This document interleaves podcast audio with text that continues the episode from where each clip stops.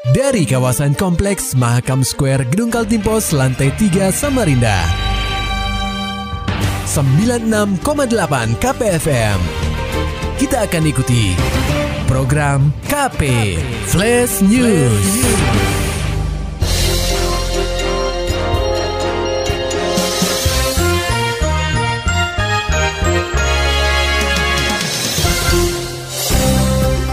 KP, saat ini Anda sedang mendengarkan program KP Flash News bersama saya, Ian Krisna. Pendengar KP, petugas kebersihan jalan Dinas Lingkungan Hidup atau DLH Samarinda bernama Diaman yang menjadi korban kecelakaan saat menjalankan tugasnya di depan kantor Gubernur Kaltim pada Jumat 16 September 2022 dikabarkan meninggal dunia pada Kamis 22 September sekitar pukul 8.15 waktu Indonesia Tengah. Informasi tersebut diperoleh dari Humas RSUD Abdul Wahab Sahrani, Dr. Arisia Andina, melalui keterangan tertulisnya. Menurutnya, kondisi korban terus memburuk sejak mendapat perawatan di rumah sakit pasca insiden kecelakaan terjadi. Beberapa saat berselang, korban telah dibawa ke rumah duka di Jalan Selamat Riyadi, Gang Mujahidin, Sungai Kunjang. Isak tangis keluarga pun pecah Setibanya pria 42 tahun itu di rumah duka, ratusan kerabat keluarga pun berdatangan untuk melayat, tak terkecuali Kepala DLH Samarinda Nur Rahmani. Perempuan yang akrab disapa Yama ini pun turut mengucapkan bela sungkawa kepada keluarga yang ditinggalkan. Lantaran yang bersangkutan adalah tulang punggung keluarga, Yama menawarkan kepada pihak keluarga untuk bergabung di DLH Samarinda jika mereka berkehendak biasanya kami tuh menawarkan kembali kepada pihak keluarga yang ikut bergabung ke DLH. Biasanya kami kayak gitu karena kita ada pengecualian yang sakit, yang meninggal, itu dalam tugas kami akan mencoba menawarkan kembali kepada keluarga untuk bergabung ke DLH kalau ada gitu. Oh, sebagai pengganti pula. Iya, sebagai pengganti. Biasanya kami menawarkan kalau yang kalau pensiun biasa kan tidak seperti itu kami tidak boleh ada sistem kerajaan anaknya mengganti tidak tapi kalau yang meninggal hmm. sakit hmm. kami, kami akan terbuka untuk siapa yang menggantikan di keluarga Belajar dari peristiwa ini, pendengar KP, Yama telah menegaskan kepada koordinator lapangan atau korlap penyapu jalan agar menekankan kepada pekerjanya untuk tidak bekerja sebelum pukul 5.30 waktu Indonesia Tengah.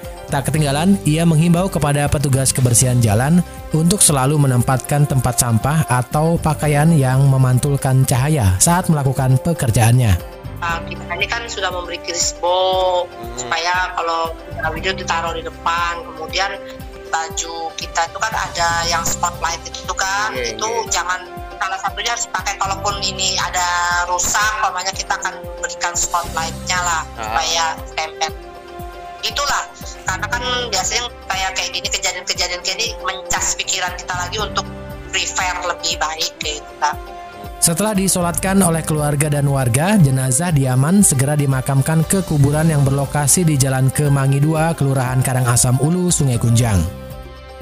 Pendengar KP tertangkap di Samarinda, 18 gram sabu-sabu gagal diedarkan ke Kutai Timur. Laporan selengkapnya akan disampaikan reporter KPFM Samarinda Muhammad Nur Fajar. Pendengar KP, Badan Narkotika Nasional Provinsi atau BNNP Kaltim berhasil menggagalkan upaya pengiriman sabu-sabu dari Samarinda menuju Kutai Timur atau Kutip. Dari pengungkapan ini, terdapat dua tersangka yang diamankan, yakni pria berinisial FZ dan KR. Petugas membekuk FZ terlebih dahulu di parkiran sebuah hotel Jalan Dr. Sutomo, Samarinda Ulu pada Jumat 26 Agustus 2022.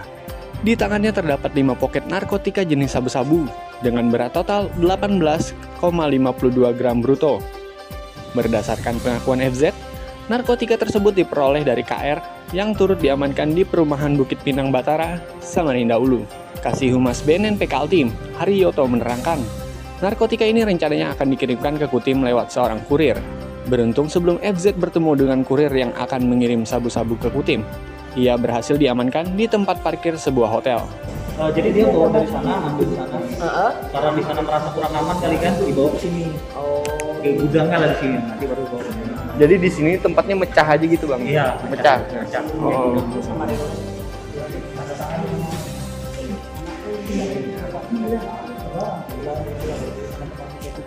yang datang itu barang besar dari Kutim terus dipecah jadi barang-barang kecil baru dibawa ke Kutim lagi gitu bang Berarti dibagi-bagi bang modelnya di sini ya.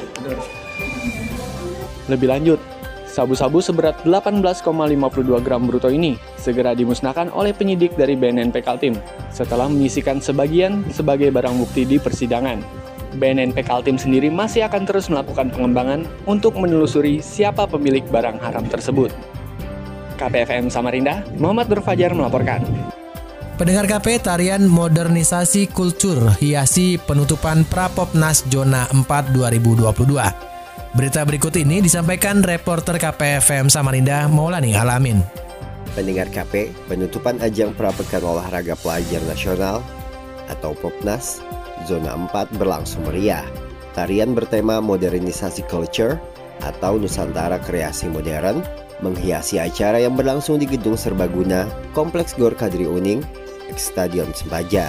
Penata tari Ridwan Syah menjelaskan konsep tarian modernisasi culture memiliki arti bahwa karya tersebut simbol pemersatu kebudayaan, terutama kebudayaan para kontingen yang bertanding di kualifikasi Popnas 2023 pada zona 4 tersebut.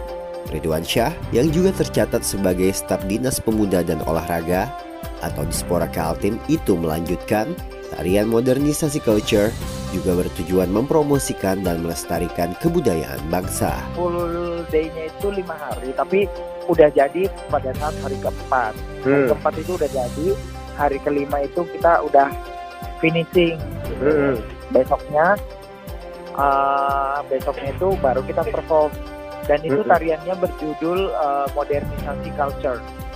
Daerah yang mengikuti Prapopnas Zona 4 di antaranya Kaltim sebagai tuan rumah, Jawa Timur, Sulawesi Barat, Sulawesi Selatan, Sulawesi Tenggara, Nusa Tenggara Barat, dan Nusa Tenggara Timur. KPFM Samarinda, Maulani Alamin melaporkan. Muhammad Nur Fajar, Maulani Alamin, KPFM Samarinda. Pendengar KP juga bisa mendapatkan berita-berita lainnya dengan mengunjungi website di www.kpfm.co.id. Demikian tadi telah kita simak rangkaian berita-berita yang terangkum dalam program KP Flash News. Persembahan dari 96,8 KPFM. Terima kasih dan sampai jumpa.